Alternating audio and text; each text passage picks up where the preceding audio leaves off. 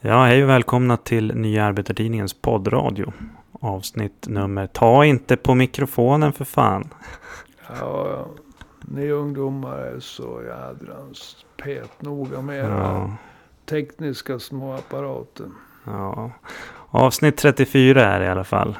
Av Nya Arbetartidningens poddradio. Eller är det 35 vi är uppe i till och med? Det är 35. Ingen koll alls. Eh, det är ju coronatider så att saker och ting är ju lite upp och ner. Ja, Och- en del har ju aldrig lärt sig räkna. Nej. Och eh, vi ska fortsätta med att diskutera viruset från olika sidor.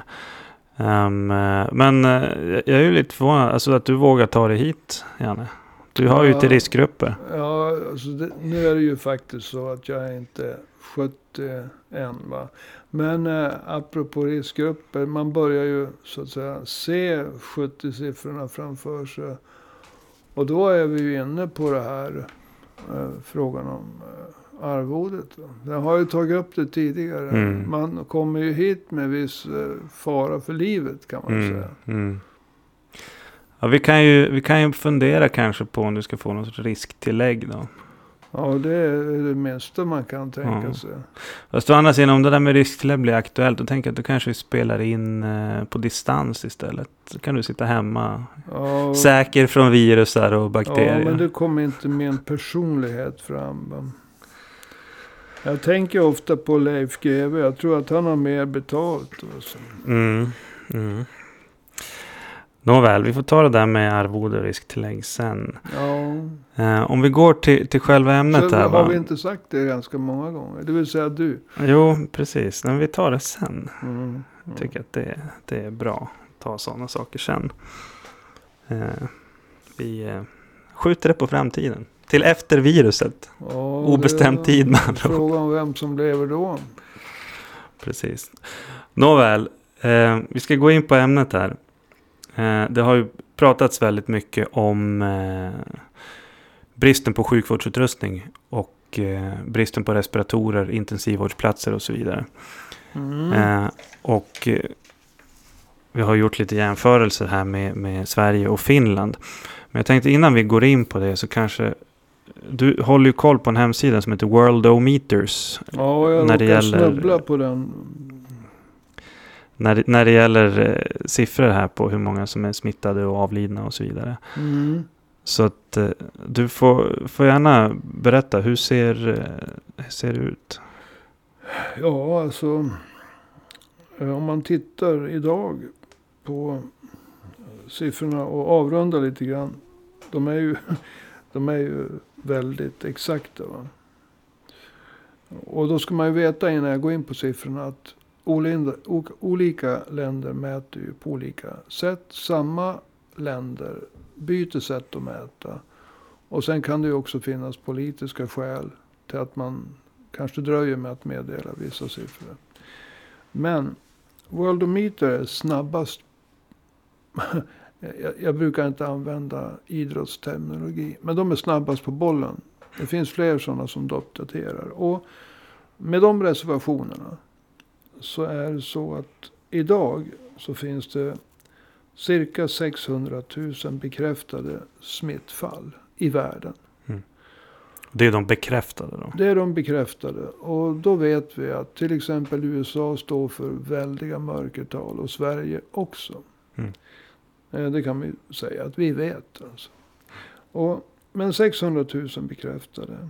Och det är väl troligtvis lättare, tyvärr då.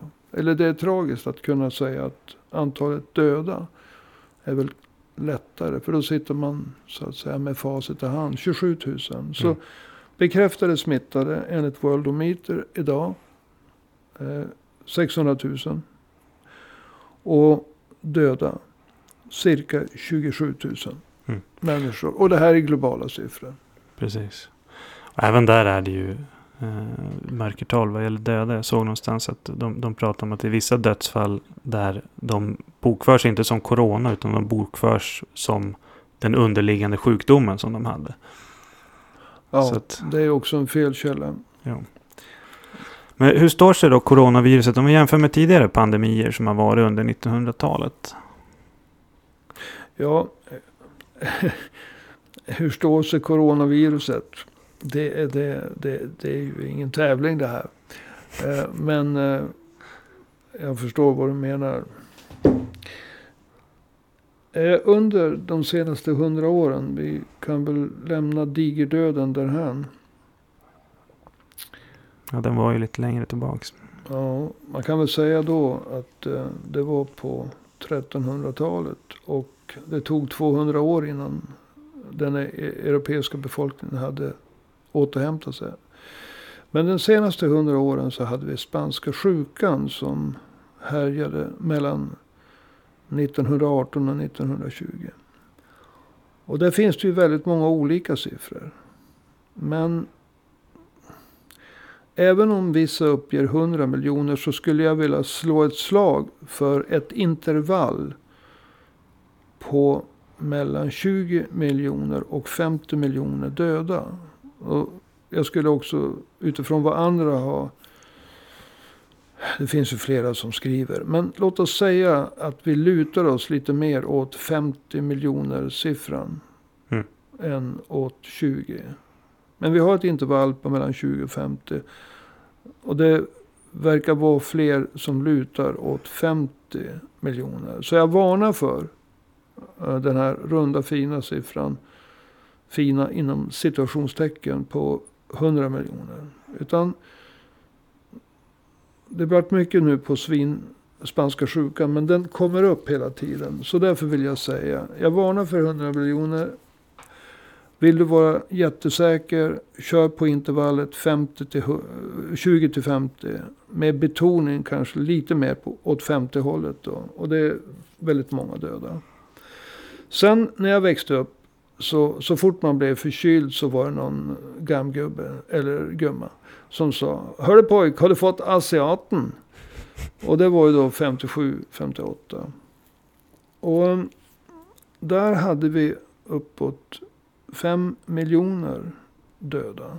Det verkar finnas en sorts konsensus eh, där. Sen, sen minns jag att det var en, en sång som eh, sjöngs både på engelska och svenska om Hongkongsnuvan. 68 hade vi alltså Hongkong-influensan. Det var först över Burt Bacharach som skrev den på mm. engelska. Och eh, det var en halv miljon döda globalt. Det är globala siffror det här alltihop. Under det första året. Sen så hängde Hongkong-influensan. Den har hängt kvar hela tiden. Men det första året globalt så var det en miljon döda. Och, en miljon? Ja, och sen så fortsatte den ju. Men det avtog kraftigt. Um, då, sen, vi hade väl också nu för några år sedan. Vi pratade om det i förra avsnittet. Om svininfluensa. Ja. Då, förutom de här senaste hundra åren. Spanska sjukan, asiaten, Hongkong-influensan. Så var det ju för cirka tio år sedan svininfluensan. Och den skapade då en väldig oro. Jag var i fängelse på den tiden som kriminalvårdare kan jag mm. tillägga.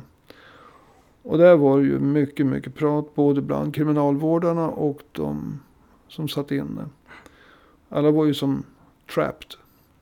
Men det, den ledde till globalt sett uppåt en halv miljon döda. Och den hade sett ur livräddarsynpunkt två fördelar jämfört med coronaviruset. Den var lindrigare. Eh, den drabbade inte riskgrupper på det sättet. Att det var äldre människor med underliggande sjukdomar. Det var yngre. Och de brukar tåla feber bättre. Mm. Säger jag som äh, amatör.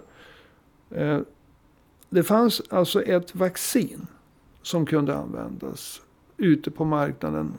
Eller marknaden, ja marknaden. Ganska fort. Eh, och det fanns också immunitet eftersom varianterna som ingick i svininfluensan hade härjat tidigare.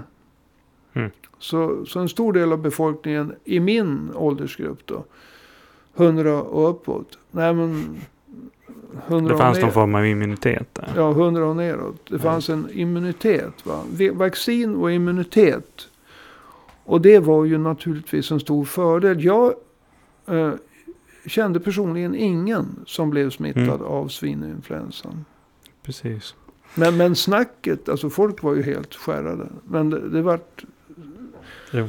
Alltså, jag för mig att det var det att svininfluensan, när den precis kom, då var det som någon, någon, någon sorts korsbefruktning av olika grejer. Så de, fann, de fanns inte vaccin precis när den kom. Så det var ju som lite panik kring det där. Nej, det var en ny variant. De här korsas ju och, Ja. och, och så vidare. Eh, Men, men, Men de fick eh, ju fram vaccinet rätt fort. de fick fram vaccinet rätt fort. Och det fanns en immunitet hos den de, lite äldre delen av befolkningen. 50 uppåt. Eh, Men om vi går på coronaviruset, det är ju fortfarande så att säga i sin linda. Men det har ju gått rätt fort när det gäller ökningen av antalet fall och antalet döda här de senaste veckorna. Ja, det har definitivt gått för fort för Donald Trump.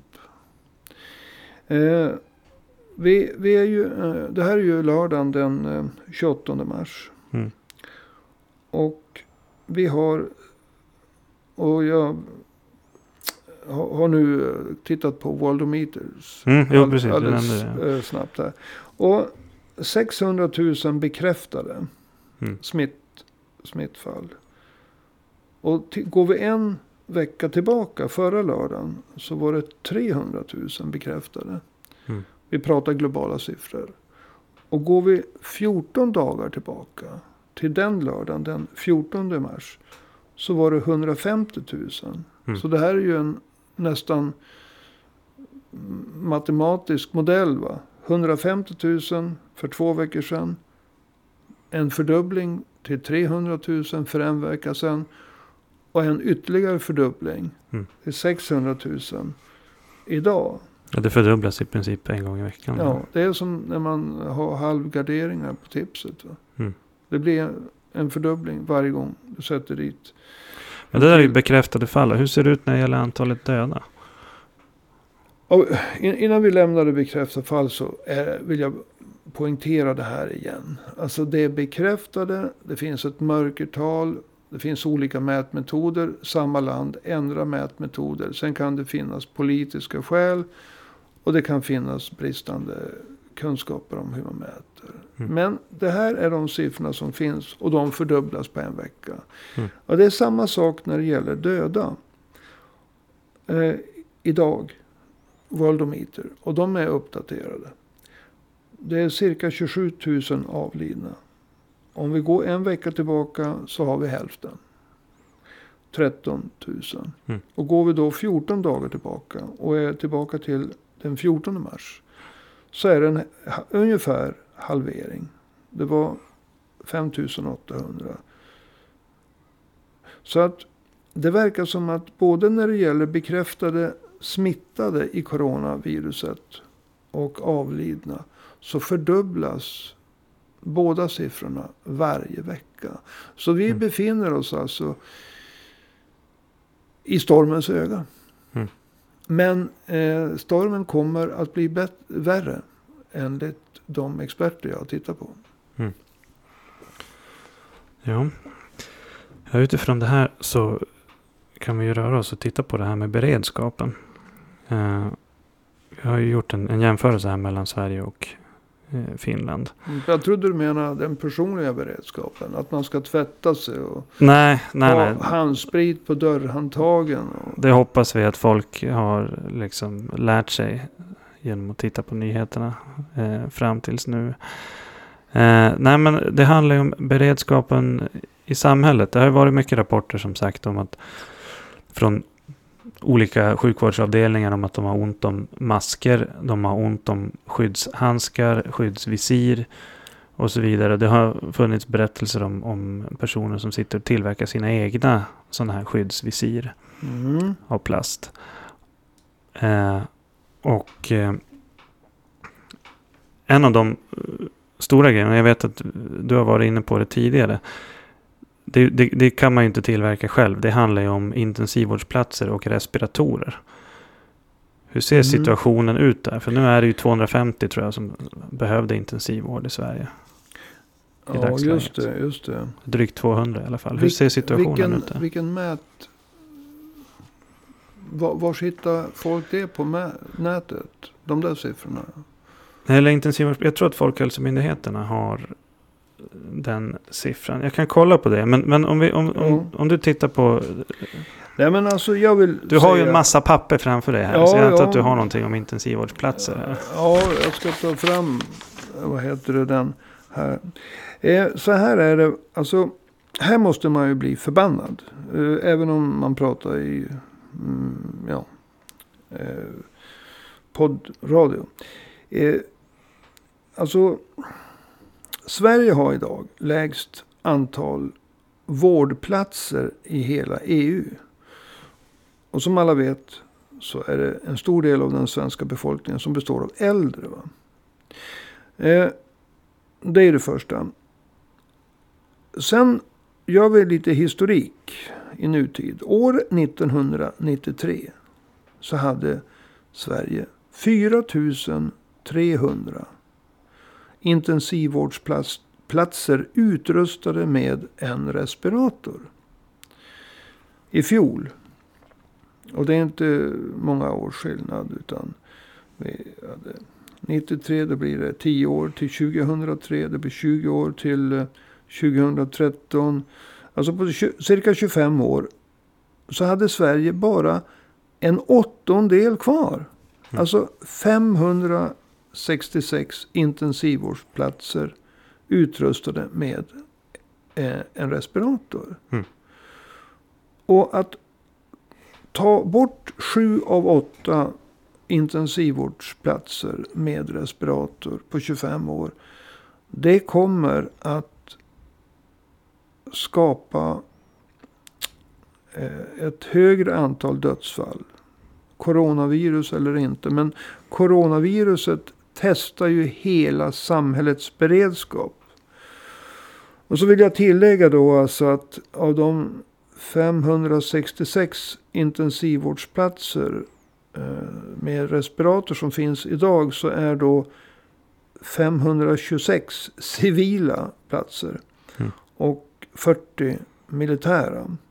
Men om vi går tillbaka till 1993. Då det fanns 4300 sådana platser. Så var de fördelade på det sättet att ehm, eh, av de 4300 så fanns 900 platser med respirator på de 35 militärsjukhus som existerade. Eh, sen förutom de 900 så fanns det 2100 respiratorer liksom i reserv. Men nu finns eh, inte de längre.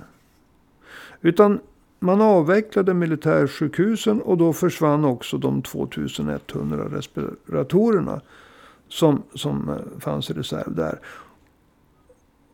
Och, eh, eller de 900. Och sen fanns, försvann de här 2100 som fanns i reserv i vad man kallar, eh, ja, låt oss säga, malpåse. Mm. Eh, Det var då 1300 civila. Och idag så är det bara de 526 civila plus 40 kvar. Mm. Alltså, det är väl mycket siffror. Men vi repeterar. 1993 kunde samhället på kort varsel mobilisera 4 300 intensivvårdsplatser med respirator. Idag kan samhället mobilisera en åttondel. Mm. Och det här är ju upprörande. Ja, Eh. Sverige har ju nedrustat inte bara det militära utan civilförsvar och sjukvård i en sån här pressad situation. Det har inte Finland gjort. Jag tittade nu. Eh, apropå in, antalet intensivvårdade. 209 enligt Folkhälsomyndigheten som intensivvårdas. Så att vi är snart uppe i hälften av de platser som fanns. Alltså. Eh, Du menar som finns? Ja, de har ju utökat nu eh, sen de senaste veckorna här. Hur, hur mycket då? Vet du det? Jag vet inte. Igår sa ju, men, det, men det, det, det vet jag inte vad då, eh, om de har kommit in. Men igår var ju någon minister ute och snackade om att de har köpt in 200 respiratorer från eh, Getinge. Men eh, Ja, det var ju sent ute. jo, precis. Och de har, lär ju inte ha kommit än om de presenterade det igår. Det första smittfallet var väl den sista januari? Va? Jo, precis. De har ju inte varit snabba direkt. Två månader. Men hur ser det ut i Finland då? Eh, jag har sett att du har, du har haft på din blogg här om beredskapen i Finland. Ja. Eh, till skillnad från Sverige och eh, många andra länder i Europa så har ju Finland behållit eh, de beredskapslager som den finska nationen byggde upp under det kalla krig som följde efter andra världskrigets slut. Och en del i den finska beredskapen är ju att det finns ett obligatoriskt system eh, för att lagra mediciner. Alltså både tillverkare av medicinerna och grossisterna av medicinerna. De är enligt lag, finsk lag. Eh, de måste alltså lagerhålla 1400 olika läkemedel. Motsvarande 3 till 10 månaders normalkonsumtion. Det beror väl säkert på alltså, att eh, normalkonsumtionen svajar. Det är Mm. 1400 olika läkemedel. Men det här innebär till exempel att Finland har stora lager av antibiotika. Alltså Ja, penicillin. just det. Och det kan komma att visa, visa sig väldigt, väldigt värdefullt. För att en del av de som drabbas av coronavirus kommer... Det är ju skillnad på virus och bakteriella infektioner. Och eh, coronaviruset kommer sannolikt i större eller mindre utsträckning att följas av bakteriella infektioner. Alltså det kan vara en direkt eh, resultat av coronaviruset. Men det kan ju också komma en mildare bakteriell smitta som drabbar för människor som är försvagade av coronaviruset. Och i det läget så kommer ju tillgång på penicillin snabbt och mycket att kunna rädda en massa människor. Både från döden och från men. Men visst lagrar de fler grejer än bara mediciner, finnarna? Det där var nästan en ledande fråga. Du sneglar här på mina siffror. Nej men Ja, eh, det, det får man göra. Det är ju, det är ju, det, fruktansvärt det är ju, mycket rad, papper som det ligger är ju radio. Ja visst, mycket utredningar här. Nej men eh, Finland har alltså lager av olja, livsmedel, eh, utsäde, eh, metaller, eh, reservdelar för jordbruket, traktorer kanske. Och de har olja för upp till fem månader. Mm. De har spannmål för ett halvår. Och det är ju betryggande för de som får höra det. De behöver inte springa och tömma affärerna och bunkra upp personliga lager. Och de här lager, den här lagerhållningen hålls alltså både av privata företag och den finska staten. För Finland är redo. Hur ser det ut i Sverige med den här typen av beredskapslager? Finns det sånt? Ja, förra året, alltså 2019, publicerade FOI, Totalförsvarets forskningsinstitut, en utredning om Sveriges beredskapslager. Eh, lämpligt ord. Ja, det var ju bra. Och utredningen hade ett eh, passande namn också, beredskapslagring. Ja, ja eh, det, det är svårt att missförstå. När det gäller lagren av läkemedel så kunde FOI konstatera att den svenska apoteksmarknaden, jag citerar nu, omreglerats utan att någon aktör tagit över ett motsvarande övergripande ansvar för läkemedelsförsörjningen som Apoteket AB hade. Alltså hade förr i tiden. Innan privatisering. Var det 2009 de privatiserade apoteket? Och det kommer jag inte ihåg. Du vet, man blir gammal. Men eh, i Du utred- har ju inte ett minne som en telefonkatalog heller. Nej, nej, nej, det har jag inte. Eh, men i den här utredningen så går det också att läsa att Sverige skulle kunna kopiera Finlands modell. Och jag citerar. För att relativt snabbt kunna införa ett lagerhållningssystem. Om så önskas. Och det här var ju skrivet i fjol. Och det var ju, det var ju synd att ingen önskade det i fjol. För nu är vi här. Ja, Det är väl typiskt Sverige va? att man gör en utredning om någonting som vore bra att ha. Ja visst, och sen gömmer man den utredningen. Eller glömmer den också. Ja, precis. Men hur ser det ut när det gäller livsmedel i Sverige? Ja, alltså här. Det där var ju läkemedel. Det Ja. var ju situationen ett mörker. Helt klart. Ja, den som har svart humor säger ju att utan läkemedel dör man direkt. Eh, utan livsmedel så svälter man ihjäl lite mer långsamt. Nu ska vi inte vara sådana. Men i utredningen konstaterades att det inte finns några beredskapslager inom livsmedelssektorn i Sverige. Mhm. Utan beredskapslagret och inom dubbla citationstecken då. Består av de varor du kan se på hyllorna i butikerna. Okej. Och får man reda på det och så om en minister går ut och säger köp på dig lite för två veckor. Ja då kan det ju hända att... att Då finns det ju inga lager. Eh, Toapapperslagren som Sverige har måste vara väldigt små i så ja, fall. visst. Nej men. Eh, alltså det, beredskapslagret i Sverige består av de varor du kan se på hyllorna. Om du kan se några. Ja. Och sen finns det då naturligtvis alltså i handelskedjan.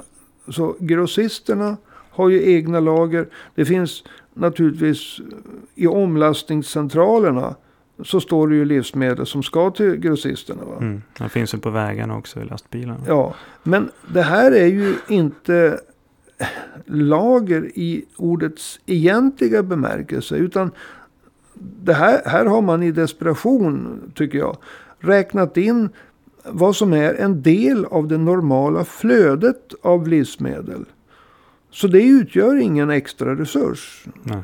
Så för att få extra resurs får man väl räkna in det folk har hamstrat själv då. Så att man Mm. får det som står på hyllorna hemma, det som står på hyllorna i affärerna och så då grossisterna och då omlastningscentralerna. Så att säga. Och så det som finns i lastbilarna. Men som sagt, allt det här är ju en del av den normala kedjan av livsmedel. Det är inget i egentlig bemärkelse reservlager eller beredskapslager. Nej, nej, precis. Men alltså, Så kontrasten mellan Sverige och Finland kunde ju knappast vara större. nej, precis. Men vad beror det på att det är en sån skillnad mellan Sverige och Finland? Ja, här måste jag ju ta mig ett glas vatten. För nu blir jag ju för upprörd. Då. Ja. Ja, man blir det. När ens egna hemmalager. Så här, ska min pasta hemma vara liksom en del av Ja, din pasta, absolut. Ja, du äter för mycket pasta. Ja, det är bra med pasta. Men du, vad, vad, vad, är- vad beror skillnaden på Ja, då? nej, Sverige alltså, och Finland? här, här kan vi ju naturligtvis... Eh, vi kan ju inte sitta här och prata om nationalkaraktärer på ett eh, sätt. För det kommer ju missförstås. Va? Men eh, det är ändå så att olika länder har gått igenom olika historiska erfarenheter. Och det är bra med fred. Ingen önskar krig. Men man bör ändå komma ihåg vad som hände under krig. Mm. Och Sverige har haft fred i 200 år. Och jag önskar inte Sverige något krig. Va? Men jag önskar att Sverige hade ett minne av krig. Finland har däremot haft ett helt annat 1900-tal än Sverige. Man eh, fick sin frihet. Eh, men sen utbröt ett inbördeskrig som skapade djupa sår. Eh, men efter det då, så 1939 så försökte Stalin-Sovjet så att säga ta tillbaka kontrollen över Finland. Och det utbröt ju ett krig då. Det kallas vinterkriget. Mm. Och det här skapar ju djupa sår i Finland. Och två år, eh, två år senare så för, kom ju det så kallade fortsättningskriget. Där Finland hakar på den tyska offensiven mot Sovjet. Och det här ledde ju då till ett krig som för Finlands del varade från 1941 till 1944. Så att i, sen efter kriget, på grund av att i fortsättningskriget så slogs ju finnarna sida med sida med tyskarna mot Sovjet. Så hade alltså Finland en väldigt utsatt ställning. Man pressades ganska mycket. Mm. Så att Finland har all anledning att minnas 1900-talet som ett århundrade med krig och ständigt hot om krig. Alltså i form av det kalla kriget Mm. som följde efter. Och eh, det här har ju skapat, alltså i Sverige så var 1900-talet en, en tid där Sverige inte själv var med i krig.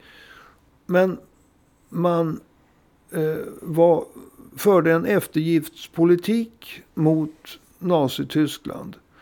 Och det fanns en rad hemmanazister. Man gjorde aldrig uppräkning med dem. Utan tystnad kring alltihopa. Fred och tystnad kring, kring det hela. Och man snackade inte om de erfarenheter Sverige själv hade. För en gång i tiden var Sverige ute och kriga i hela Europa.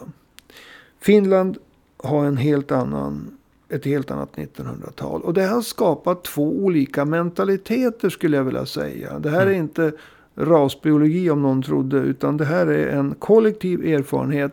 Där Sverige har en och Finland har en annan. Och det är därför som Finland är förberett för krig. Mm. Eller hårda tider, kristider. Mm. Och det här står jag för. Mm. Ja, men det ligger nog en del i det där. Ja, Min- det ligger min, mycket eh, i det här. Min, min mormor som ju eh, var född 1915 och eh, upplevde andra världskriget, flydde från Lettland och så vidare. Har ju alltid tyckt att, eh, haft den där attityden att svenskarna liksom, de, de vet liksom inte vad allvar egentligen är. På grund av att man stod utanför kriget. Man var feg helt enkelt. Jo. var ju hennes attityd då. Eh, och eh, hon gick ju lite, lite väl långt när det gäller det där ibland. Men, men eh, hon hade ju en, en eh, poäng i den bristande beredskap som uppstår. Man förstår inte vad som är liksom riktigt. Nej, Hur, hur allvarligt och illa det kan bli. det var, var ju en del av oss i min generation som hade föräldrar. Ja, din farsa låg vid gränsen va, mot Norge. Ja, alltså. Han var inne under beredskapsåren, båda omgångarna. Och var så pass nära att han såg de tyska uniformerna. Och de visste ju också att om tyskarna fick marschorder så skulle de inte leva många minuter. Den svenska beredskapen var god så tillvida att man hade koll på vad tyskarna gjorde. Men om tyskarna hade fått marschorder att anfalla Sverige så, ja, i den beredskapen, rent militärt, den var inte mycket att komma med. Så att de visste ju att de skulle dö. Mm. Och det här, den, den här, de här erfarenheterna och stämningarna, känslan, de fördes ju över av, jag är född 53, farsan 21. Alltså det, de fördes över. Så att man är ju, och sen skapades det hos många i min generation ett stort intresse av andra världskriget. Så att på det sättet så är en del av oss förstår ju indirekt, alltså inte direkt, inte, inte på bara huden. Men vi förstår att det, alltså det har varit, det är mycket dalt i, i Sverige. Va? Det, det, Mm. det, det är dalt. Det, herregud, jag trodde jag skulle coola av när jag var under 80-talet. Det var fredsfostran. Alltså, folk trodde på fullaste allvar att om man inte om, en barn inte bråkade eh, när de var så unga att de satt i sandlådan. om man lärde dem att eh, liksom dela på sanden istället för att slå en plasthink i huvudet på varandra. Då skulle det inte bli krig. va. Och det var ju naturligtvis ofattbart naivt. Alltså daltet har förstört det här landet. Sa jag 75 och jag säger det igen. Yes. Gick vi lite bort från ämnet här. Men Ja, eh, ja, man kan ju bli förbannad ibland också. det kan man bli. Du, vi måste börja avrunda det här. Men har, ja, har du nu något? har jag ju kommit. Varenda gång alltså när jag tar mig hit med livsfara och kommer igång va. Då ska vi börja avrunda och inget arvode. Ja, så jag är bruk- det. Jag brukar tänka på Inget dalt. Ja, ja, alltså jag För att använda dina egna ord emot ja, dig. jag lyssnar nu va. Jag, jag brukar tänka på Leif GW va. Ja, han har säkert ett arvode. Och sen måste jag säga, jag, jag är ingen sexist. Så jag ska inte säga att programledaren där är, är, är snyggare än dig. Men, men jag ska säga så här, om vi vänder på det hela va. Han har ingen, i alla fall ingen ful programledare. Mm, mm. Där fick du. Som sagt, det är inget dalt här. Men du får, du får några sista ord innan vi avrundar här. Ja, eller några slutord kanske vi ska kalla det. Ja. Några sista ord låter lite låter fel i lite- dessa tider. det är så här att vi befinner oss mitt i stormens öga. Och när vi pratade om pandemiernas historia. Vi pratade inte om digerdöden. Vi pratade eh, om spanska sjukan, asiaten, Hongkong-influensan, svininfluensan. Då har vi facit i hand. Eh, vi befinner oss nu eh, mitt i stormens öga. För 14 dagar sedan var det 150 000 bekräftade fall. För en vecka sedan var det 300 000 bekräftade fall. Idag är det 600 000 bekräftade fall. Och den här fördubblingen varje vecka. Den gäller också de som har avlidit. Eh, Det här är inte, det här bådar inte gott. Nej. Eh, man måste ju säga då alltså att Sverige som är lite fredsskadat. Det är väl så man kan sammanfatta vad jag tyckte i jämförelse med Finland. Mm. Inte så att jag vill att Sverige ska råka i krig. Men man ska inte glömma sina erfarenheter. Man, man måste ju lära sig av andra. Va? Till exempel av Finland. Och det är bra att regeringen nu har tagit det fantastiska steget att minska folksamlingarna från 500 till 50.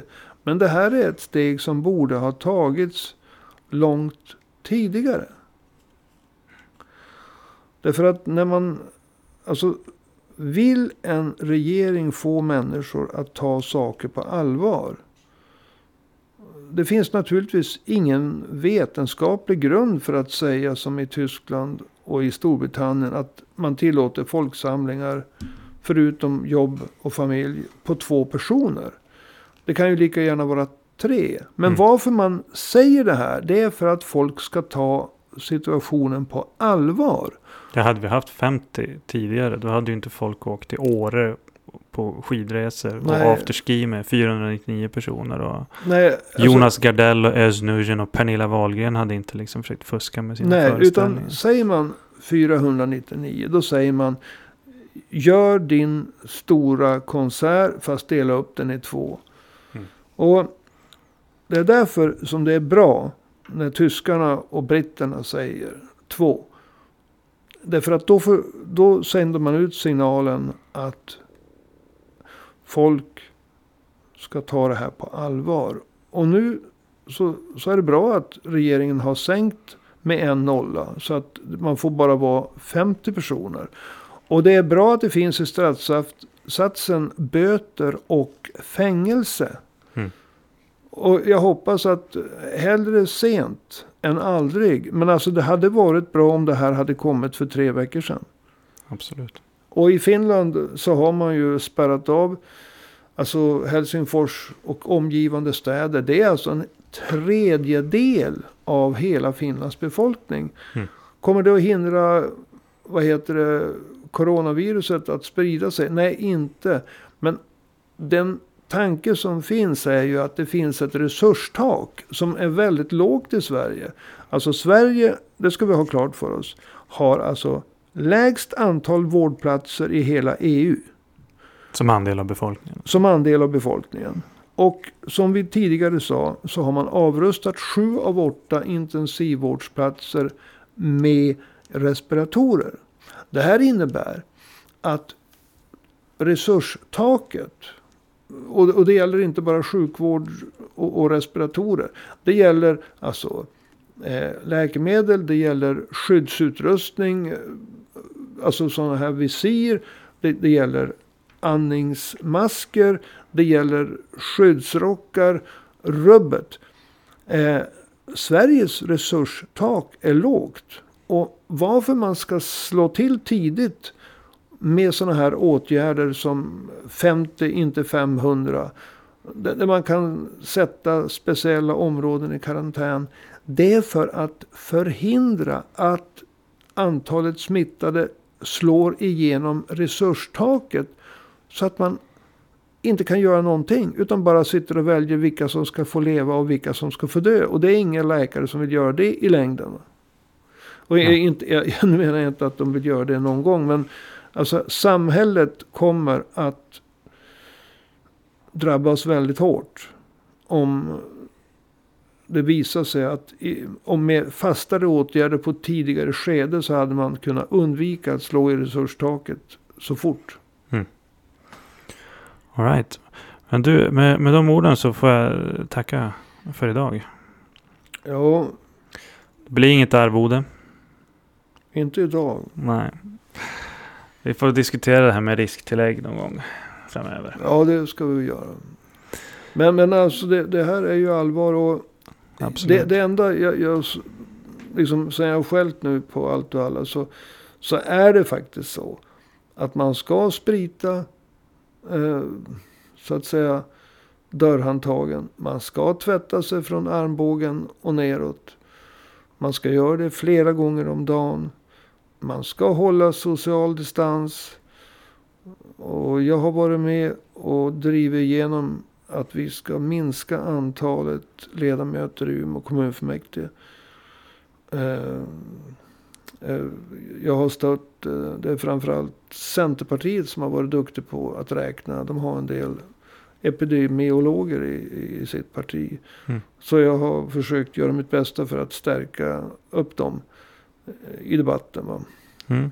Så att, eh, och det är två skäl. Eh, fan, två tredjedelar av folk som sitter i Umeå kommunfullmäktige, de är ju själva i riskgruppen. Ja, och de är, de är äldre än mig. Mm. Och eh, det andra är ju att man måste ju föregå med gott exempel. Och här gjorde, för att säga något positivt, Umeå gjorde en bra sak när folk kom hem från sportlovet. Som då regeringen borde ha stoppat. För när folk for till Italien och åkte skidor så importerade vi den första vågen som satte igång det hela i Sverige. Och eh, Umeå sa till folk som hade varit i riskområden att stanna hemma i två dagar eller så. Och då fick Umeå kritik av Anders Tegnell. Mm. Och då förlängde Umeå bara det här med att stanna hemma i tio dagar. Och sen var det en till förlängning till 14 dagar tror jag det var. Mm. Och det var, gjorde Umeå bra. Så jag är ofta kritisk mot den eh, ledning som finns i Umeå kommun. Men hittills så tror jag att närheten till forskning, närheten till universitetssjukhuset, förekomsten av duktiga epidemiologer har gjort att Umeå hittills har skött sig bra till skillnad från regeringen. Mm. All right. För att avsluta så vill jag tipsa alla om att man kan gå in också på arbetartidningen.se. Vi har en speciell eh, sida där nu där vi har eh, nyheter, statistik, analyser och eh, bra tips för att hålla sig frisk eh, så här i coronavirusets tider. Som man kan gå in på och eh, där har vi också live-statistik så man kan se precis hur ser läget ut just nu när det gäller antalet bekräftade smittfall när det gäller avlidna, hur det ser ut i olika länder. Eh, och det är statistik som kommer från någonting som heter Johns Hopkins. Så att gå in på arbetartidningen.se och eh, kolla in det där och håll dig uppdaterad. Och tycker du att det vi gör är bra så kan du även swisha oss ett eh, bidrag på 123 504 7105. Alltså 123 504 7105. Det finns inget bidrag som är för stort utan eh, swisha på och eh, vi hörs igen nästa vecka. Hej då!